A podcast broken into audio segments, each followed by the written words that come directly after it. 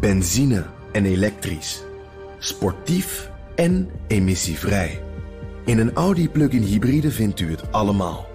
Ervaar de A6, Q5, Q7 en Q8 standaard met quattro vierwielaandrijving. Wat u ook zoekt, u vindt het in een Audi.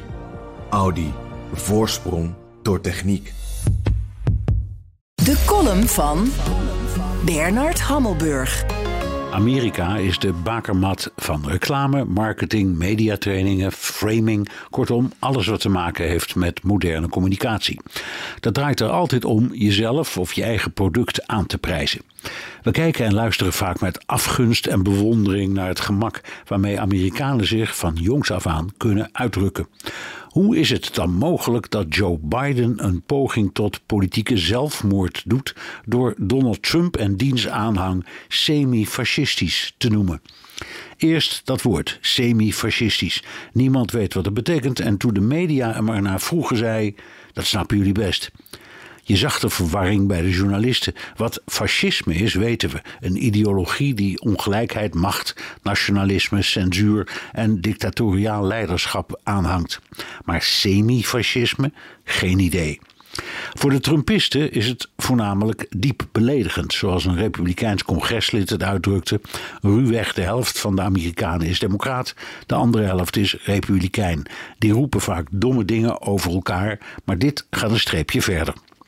Nu kun je zeggen wat stoer dat Biden in strijd met de Amerikaanse traditie om zo min mogelijk over voorgangers te spreken, die maloot van een Trump eens goed van onderuit de zak geeft. Alleen weet iedereen die ook maar iets begrijpt van reclame, marketing en framing dat je de vijand met zo'n opmerking versterkt.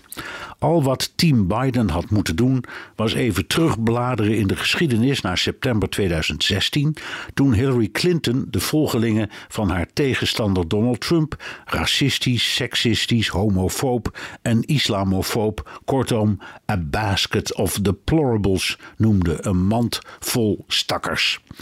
Er speelde veel meer natuurlijk, maar die verkettering van Trump en co. heeft haar naar haar eigen afgrond gesleurd. De les van die verloren verkiezingen in 2016 was: etaleer je eigen kracht. Geef niet af op je tegenstander. Biden heeft politiek misschien wel de meest succesvolle maand achter de rug sinds hij aantrad. Met een mooi economisch herstelplan en opvallend veel kiezers die naar de Democraten willen overstappen uit woede over het afschaffen van het landelijke recht op abortus.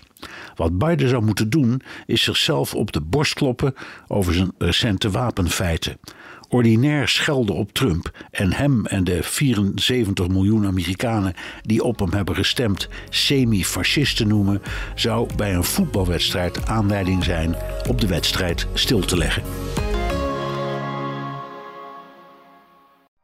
Benzine en elektrisch. Sportief en emissievrij. In een Audi plug-in hybride vindt u het allemaal. Ervaar de A6, Q5 Q7 en Q8 standaard met quattro vierwielaandrijving. Wat u ook zoekt, u vindt het in een Audi. Audi. Voorsprong door techniek.